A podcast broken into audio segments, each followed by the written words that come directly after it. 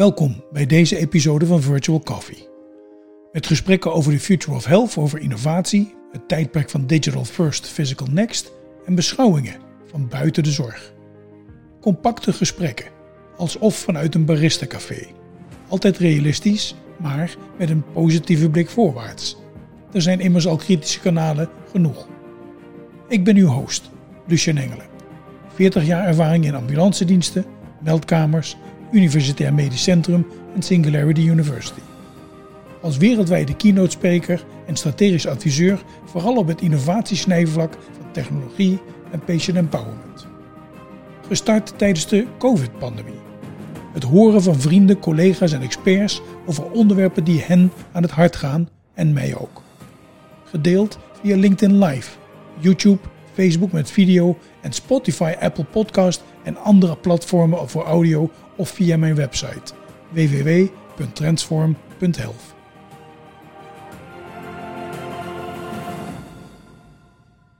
Welkom allemaal. Welkom eh, bij deze editie van de Virtual Coffee uh, op uh, een mooie, mooie zomerse dag. We hebben er wel af en toe wat regen bij, maar dat, dat hoort ook af en toe bij. Ik ben erg blij dat ik vandaag een mooie virtuele koffie kan drinken met niemand minder dan Heike Veldman. Heike is Tweede Kamerlid voor de VVD. En het bijzonder ook als woordvoerder zorg spreken we elkaar wel eens af en toe. Goedemiddag Heike. Goedemiddag, hi. Ik neem aan vanuit het, het, het, mooie oosten van het land op dit moment, want jullie zijn net in reces gegaan. Uh, ja, ik zit uh, thuis, uh, zoals ik overigens de afgelopen maanden heel veel thuis gezeten heb, zoals denk ik heel veel Nederlanders. maar in de Kamer is het reces begonnen, dus dat betekent dat er geen debatten zijn. Dus dat geeft mij wat meer bewegingsvrijheid, dan zit ik geen dagen vast in Den Haag. Ja, je hebt natuurlijk wat meer bewegingsvrijheid in je eigen agenda, denk ik inderdaad zo. Want echt vakantie is het natuurlijk nog niet, hè? Want jullie reces gaat er vooral heel even om dat, dat het vergaderschema en de debatten anders in elkaar zitten.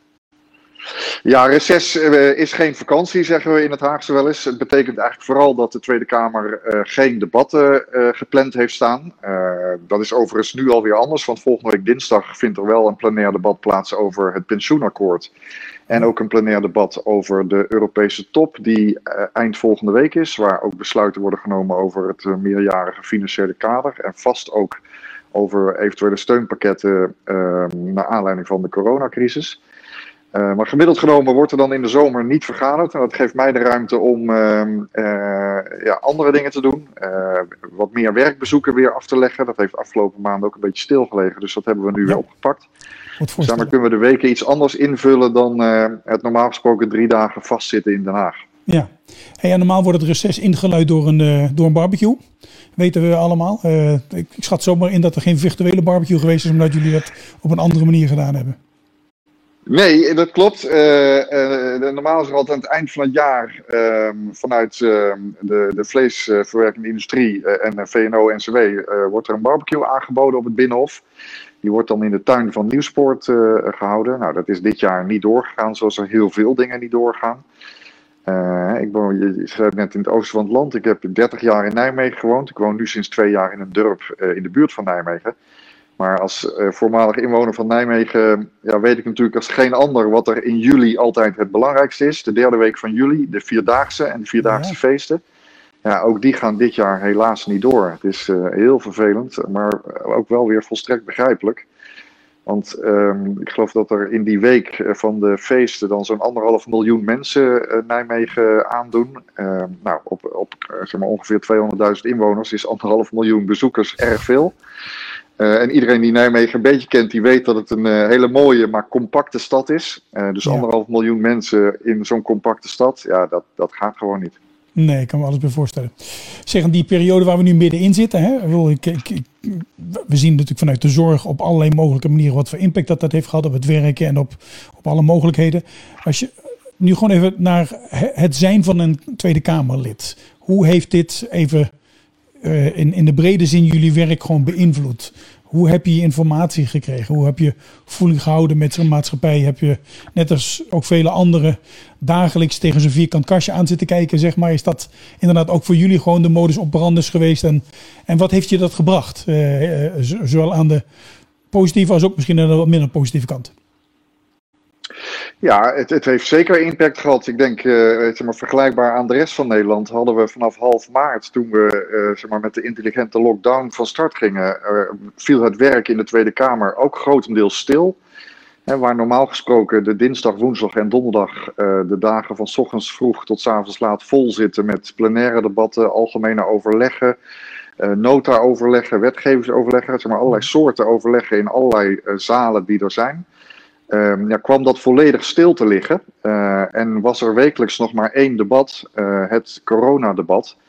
Uh, en was er ook verder niemand meer in huis. Um, iedereen zal waarschijnlijk wel gezien hebben dat naarmate de tijd verder ging, ehm, er qua debatten over corona opgeschaald werd naar fractievoorzitters. Nou, dat heeft voor mijn fractie bij VVD uh, een tijdje geduurd, want mijn fractievoorzitter zat ook uh, snotterig thuis. Uh, dus ja, het, de regel bij griep of verkoudheid thuis blijven gold dus ook voor hem. Dat betekent dat ik als zorgwoordvoerder ehm, de debatten deed. Um, en zeker in het begin, in maart en in april, ja, was het ook wel gewoon heel raar om één keer in de week naar Den Haag te gaan. over een snelweg die ja, toch vrij leeg was dan in een gebouw aankomen wat normaal gesproken bruist uh, van de energie ja. uh, en de dynamiek. En waar nu gewoon helemaal niemand was. Um, uh, ja, alle woordvoerders van de partijen, wat kamerbodes en dat was het wel. Terwijl normaal gesproken is het gebouw goed gevuld met medewerkers, met kamerleden, met ehm, medewerkers van de Kamer zelf, met bezoekers. Dus dat was ook wel een beetje spooky, een beetje ja, heel raar om daar dan rond te lopen. Um, ja. uh, en dan het vervolgens hebben over iets wat um, ja, het hele land aangaat. Um, dat is ook wel bijzonder. Ik ben zeg maar, namens VVD als woordvoerder uh, medische zorg begonnen vorig jaar september. En de portefeuille uh, heet dan heel mooi medische zorg, geneesmiddelenbeleid en infectieziektebestrijding. En ik kon vorig jaar september niet bedenken dat uh, die laatste stam uh, uit uh, het woordvoerschap zo'n impact zou gaan krijgen op onze hele samenleving. Ja. Nee, dat, dat, en ja, wat, wat, heeft het dan persoonlijk voor impact? Nou ja, waar ik normaal gesproken gewend was om het grootste deel van de week in Den Haag door te brengen, ehm, was ik nu één dag in de week in Den Haag, zeg maar op en neer rijdend uh, op uh, meestal de donderdag voor s ochtends zo'n technische briefing, waar heel veel mensen ja. naar keken elke mm -hmm. week. Absoluut. En dan smiddags de plenaire debat. En de rest van de week zat ik dan thuis, zoals iedereen thuis werkte. Um, uh, Wat betekent dit voor informatievoorziening, Heike? Was het normaal zo dat jullie... Kijk, we hebben altijd een mond vol van stukken, hè? En dan hebben we toch steeds zo vaak een beeld van... het zijn echte stukken, die worden uitgeprint en noem maar op allemaal. Natuurlijk is veel ervan digitaal. Heeft dit ook nog iets voor jullie betekend in de zin van een omslag in werken? We hebben in de zorg gezien dat er nu een hele hoop digitale zorg ook uh, uh, een flinke boost gekregen heeft. Ik heb een, een interview ergens een keer gezet van we zijn jarenlang zwanger geweest van digitale zorg. En is nu met een keizersnede ter wereld gekomen. Het ging in één keer heel erg snel. Hebben jullie ja. dat in de Kamer ook gezien, dat informatievoorziening en, en dat soort zaken ook anders is gaan lopen? Of, of was dat eigenlijk allemaal al? Ja, nee, zeker. Zeker. Want kijk, we zijn natuurlijk wel gewend om allerlei uh, documenten uh, digitaal aangeleverd te krijgen. Hè? Dus die heb je gewoon uh, digitaal in de systemen zitten. Um, maar alle overleggen die je hebt, ja, daar, daar, waren wij natuurlijk ook gewend om dat gewoon altijd fysiek te doen. Um, hè, voor de VVD-fractie zelf bijvoorbeeld. Hè, we vergaderen altijd op dinsdagochtend met de hele fractie. Uh, toen ik in 2014 begon, hadden wij 41 leden. Nou, die zitten in een grote zaal, uh, maar dan wel schouder aan schouder. En toen dacht ik bij mezelf, goh, hoe doe je dat hè, met 41 leden vergaderen? Nou, dat, dat gaat best goed. Maar nu moesten wij dat ook digitaal gaan doen. Uh, hè, nu in deze periode met 32 mensen. En er was ook in het begin wel even, maar ook bij mij de gedachte van ja, hoe ga je digitaal met 32 mensen vergaderen?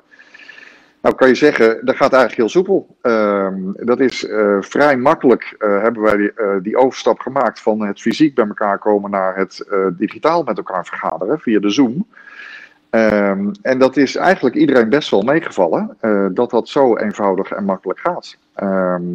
Um, ja, ook allerlei andere overleggen. Normaal gesproken bestaat een groot deel van mijn week in Den Haag ook uit gewoon het mensen ontvangen uh, in uh, het Tweede Kamergebouw. Nou, al die afspraken gingen nu ofwel via beeldbellen of gewoon nog ouderwets via de telefoon.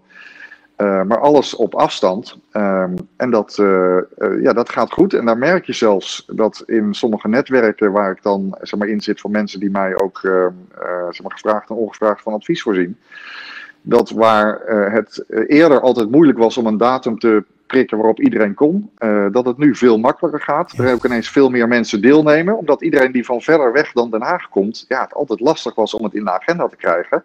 En nu ging dat heel soepel, omdat er ineens geen reistijd meer was. Dus dan zie je ook dat het ehm, voordelen heeft dat het makkelijker is om uh, digitaal met elkaar uh, de overleggen te hebben. Ja, nou ja ook, ook als Kamer zelf. Hè, voor, nou ja, wat je inderdaad mist, uh, hè, dat, en dat merk je ook in wat we als Tweede Kamer in zijn totaliteit maar digitaal doen. Hè, bijvoorbeeld petities aanbieden, dat gebeurt nu ook digitaal. Um, ja, dat, is, dat, dat kan, hè, dan, waarmee je virtueel zeg maar, de petitie overhandigt.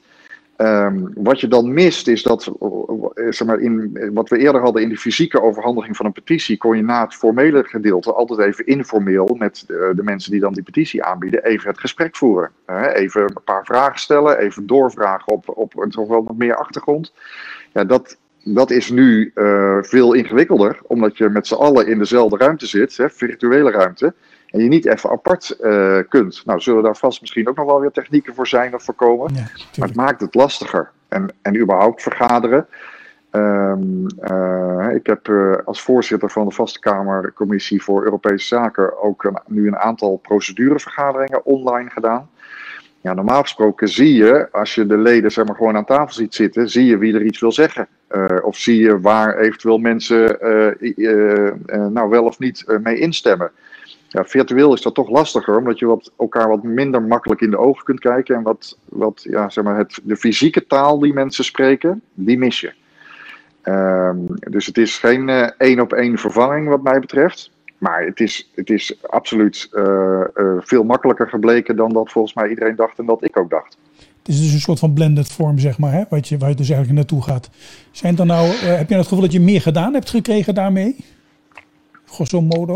Ehm, nou, of het meer is, weet ik niet. Maar het is mij wel reuze meegevallen dat, uh, uh, dat je eigenlijk in, in de tijd dat je toch fysiek afstand van elkaar hebt, dat, dat er heel veel gewoon door kan gaan. En ja. je ja. Uh, zelfs met meer mensen contact, contact kan hebben, omdat je niet met die reistijd zit, omdat je niet met. Uh, uh, maar ingewikkeldheden zit van er komen of dan binnenkomen. Hè, wat in Den Haag ook nog wel eens misging. Dat mensen dan het gebouw niet inkwamen omdat ze hun identiteitskaart waren vergeten. Ja, daar heb je virtueel, uh, of zeg maar digitaal, heb je daar allemaal geen last van. Dus het, ja. het maakt het makkelijker. Um, wat je mist is het fysieke contact. Dat, dat hoor ik nu wel van meer mensen. Uh, dat zal jij ook herkennen. Op een gegeven moment wil je elkaar ook gewoon echt zien. Ja. Um, en voor sommige gesprekken überhaupt, hè?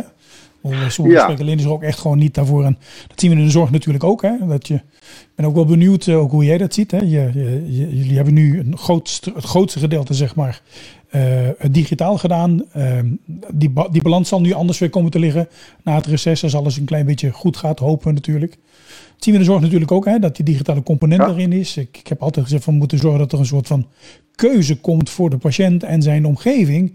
Om te kijken of dat je iets nou digitaal wil doen, door middel van beeldbellen of op afstand uh, of monitoren.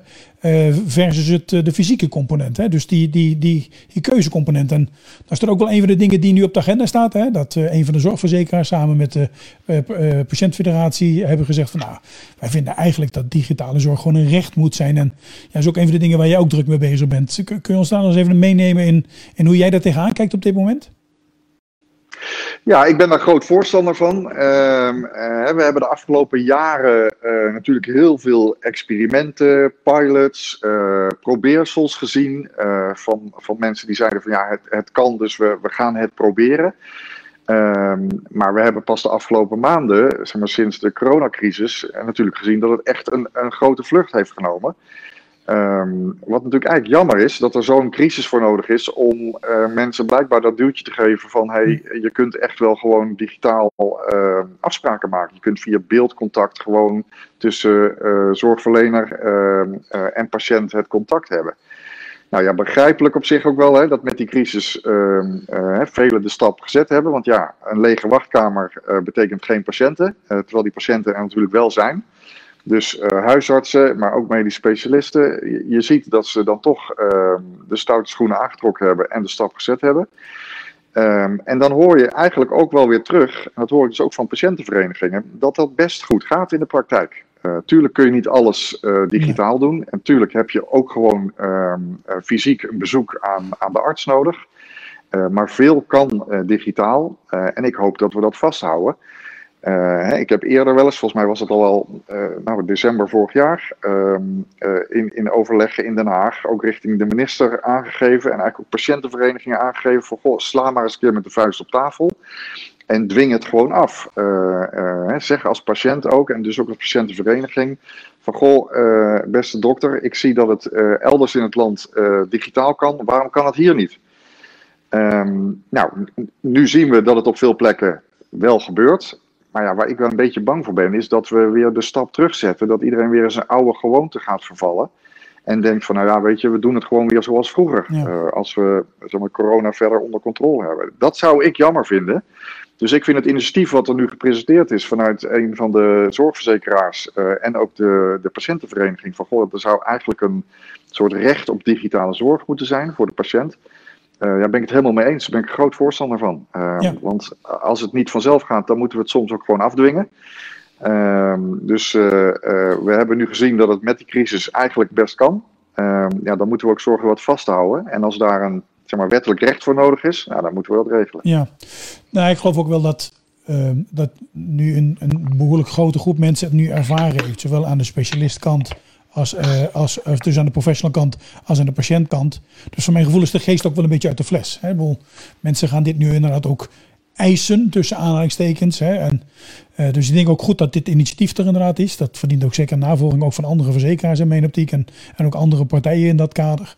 Het, het, zou in ieder geval tenminste een, een keuzemoment moeten worden voor mensen. Dat je ehm, daar ook echt gewoon die keuze in kunt gaan maken. En nogmaals, het is niet voor alles van toepassing, helemaal mee eens. Maar het is ook niet op alle momenten van toepassing. Hè? Want je kunt misschien wel bedenken dat voor een bepaalde aandoening dat wel kan. Maar op enig moment in het proces rondom die aandoening komt er misschien toch met die zegt, nou weet je, dit wil ik toch even niet via video doen. Of niet even via een webportal of door middel van metingen. En dan wil ik toch ook echt gewoon naartoe. Mijn optiek is altijd juist zo geweest dat je daarmee de mogelijkheid creëert uh, om meer tijd te nemen voor een patiënt. Uh, ik heb ooit uitgerekend, dat was over de 2015. Um, ik zou je de cijfers niet vragen, maar, maar, maar gewoon even vertellen. Eerste poliebezoeken in Nederland, uh, eh, 8,8 miljoen. Dus dit zijn het over eerste polieconsult. Hè? Dus voor de eerste keer huisarts doorverwijzen voor een aandoening. Dat betekent dat je heen en terug moet. Stel je even voor dat iedereen met de auto gaat. Dat is natuurlijk niet zomaar. We hebben dus over 19 miljoen keer, hè? Uh, alles bij elkaar. Gemiddelde afstand van ziekenhuis is iets van 5,5 kilometer. 91 miljoen kilometer per jaar verbranden we, zeg maar, als het allemaal met de auto zou gaan, om van en naar het ziekenhuis te gaan voor die eerste polyconsult. En ik heb toen in het Radboud eh, uitgerekend dat als we 5% van alle polyconsulten via video zouden doen, zou dat ook nog eens een keer 200 parkeerplekken per dag schelen. Dus, dus ook vanuit die hoedanigheid is het ook nog wel een hele logische. En ik hou er wel van om te geloven nu dat die geest een beetje uit de fles is. Dat, dat, dat mensen dat ook eh, niet meer accepteren. Nee, mooie rekensom die je maakt. Uh, dat zijn maar allemaal nevenwinst. Uh, zeg maar de grootste winst die ik zie en, en, waar ik dan ook dus, waarom ik er zo'n voorstander van, van ben, is vooral de winst voor de patiënt. Absoluut. Hè, waar je nu inderdaad naar de dokter toe moet of naar zeg maar, het ziekenhuis toe moet, moet je er aan, moet je erheen. Dan moet je in die wachtkamer zitten wachten. Nou, je hebt natuurlijk altijd het risico dat eerdere afspraken wat uitlopen. Nou, dan zit je daar dan kun je dus eigenlijk niks doen.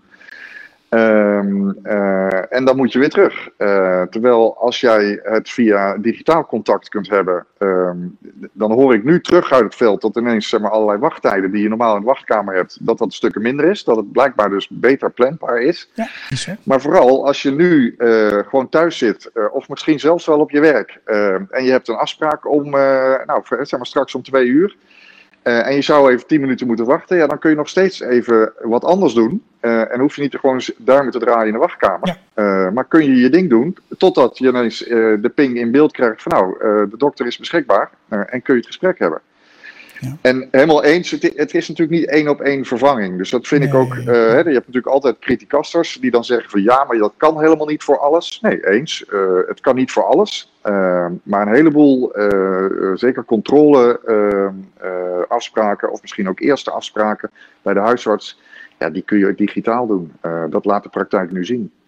Ja, het wordt inderdaad ook een stukje efficiënter daarvoor. Maar, maar ook de stress die vaak bij mensen optreedt om voor zo'n consult naartoe te gaan. Hè. Dan moet ook nog eens een keer zoon of dochter vrijnemen. Hè, dat kennen we dan ook nog wel vaak. En dan, ja. uh, dan zoek je die laatste parkeerplek ook nog. Hè. Dus aan de andere kant, dan kom je om tien minuten, uh, ben je om tien minuten voor ja, ja, dan zegt iemand, hij loopt uit, weet je, dat soort dingen. Dus, Kijk, je ziet de voorbeelden natuurlijk ook elders wel. Hè. Ik heb uh, afgelopen jaar bij de begrotingsbehandeling van de begroting uh, voor uh, volksgezondheid ehm, ook het voorbeeld gebruikt van, volgens mij was het St. Louis in, in de Verenigde Staten, waar zeg maar een groot gebouw staat waar iets van 800 ehm, mensen medisch personeel werkt, terwijl er in dat hele gebouw nul patiënten liggen.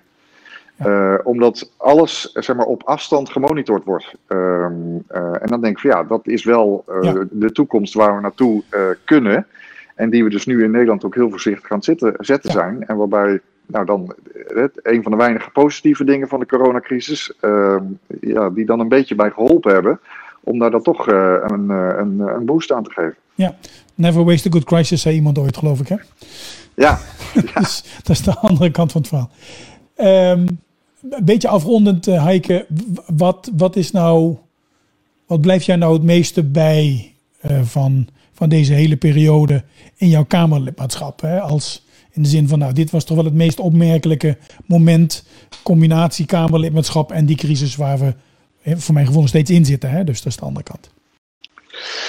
Nou ja, wat wel het meest bijzondere is dat uh, ik eigenlijk de afgelopen maanden uh, nog maar eens opnieuw ervaren heb dat uh, het heet altijd lid van de Tweede Kamer, maar dat ik vooral volksvertegenwoordiger ben. Ehm, ik heb ongekend hoeveel mensen mijn telefoonnummer blijken te hebben. Uh, want ik ben echt door uh, heel veel mensen, ondernemers, uh, mensen van allerlei organisaties, uh, afgelopen maanden gebeld, ehm, die contact gezocht hebben. met in het begin natuurlijk gewoon vragen over: Goh, wat hebben we nu aan onze fiets hangen? Wat is er allemaal aan de hand? Wat gebeurt er allemaal? Ehm, naar uiteindelijk ook steeds meer inhoudelijke vragen over: Goh, wat betekent het nu qua zeg maar, bestrijding van een infectieziekte? Uh, naar ook uh, ja, alle effecten van de intelligente lockdown waar we in zaten. En vervolgens de omslag naar uh, het langzamer zeker weer versoepelen van maatregelen.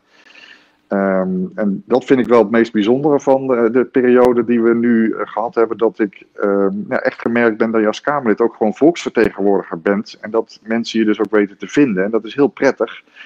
Um, want daarmee kan ik A, informatie geven die ik heb, maar B, kan ik natuurlijk ook, uh, en dat is eigenlijk veel belangrijker, van heel veel mensen informatie krijgen. Uh, de zorgen, uh, oplossingen, mogelijkheden, die mij weer helpen in het um, op een kritische manier volgen van datgene wat het kabinet doet. Ja. en ook zelf met um, mogelijkheden en oplossingen komen voor problemen waar we tegenaan lopen. Ik voel een digitaal spreekuur aankomen. ja, dat kan ja, zomaar een idee zijn. Ja. Wel, ja. Uh, we zijn er met z'n allen nu aan gewend. Als je zou kunnen zeggen, jongens, één keer in de weet ik hoeveel tijd uh, ben ik uh, gewoon online op, op Zoom. En als je mee wil doen, stuur me een berichtje, dan krijg je een link. Ik kan me eens ja. voorstellen. Hè? Dat is de andere kant. Dus ik ben, ben wel benieuwd hoe, hoe dat gaat lopen. Hè? We zien nu natuurlijk ook dat rondom wetgevingstrajecten en andere zaken ook echt de internet, internetconsultaties uh, uh, hun opgang vinden, zeg maar. Ja. Uh, die niet alleen qua vorm en inhoud, maar zeker ook qua snelheid waarmee je ze weggezet krijgt en de tijd die het nodig heeft, ook wel, wel heel bijzonder is, zeg maar.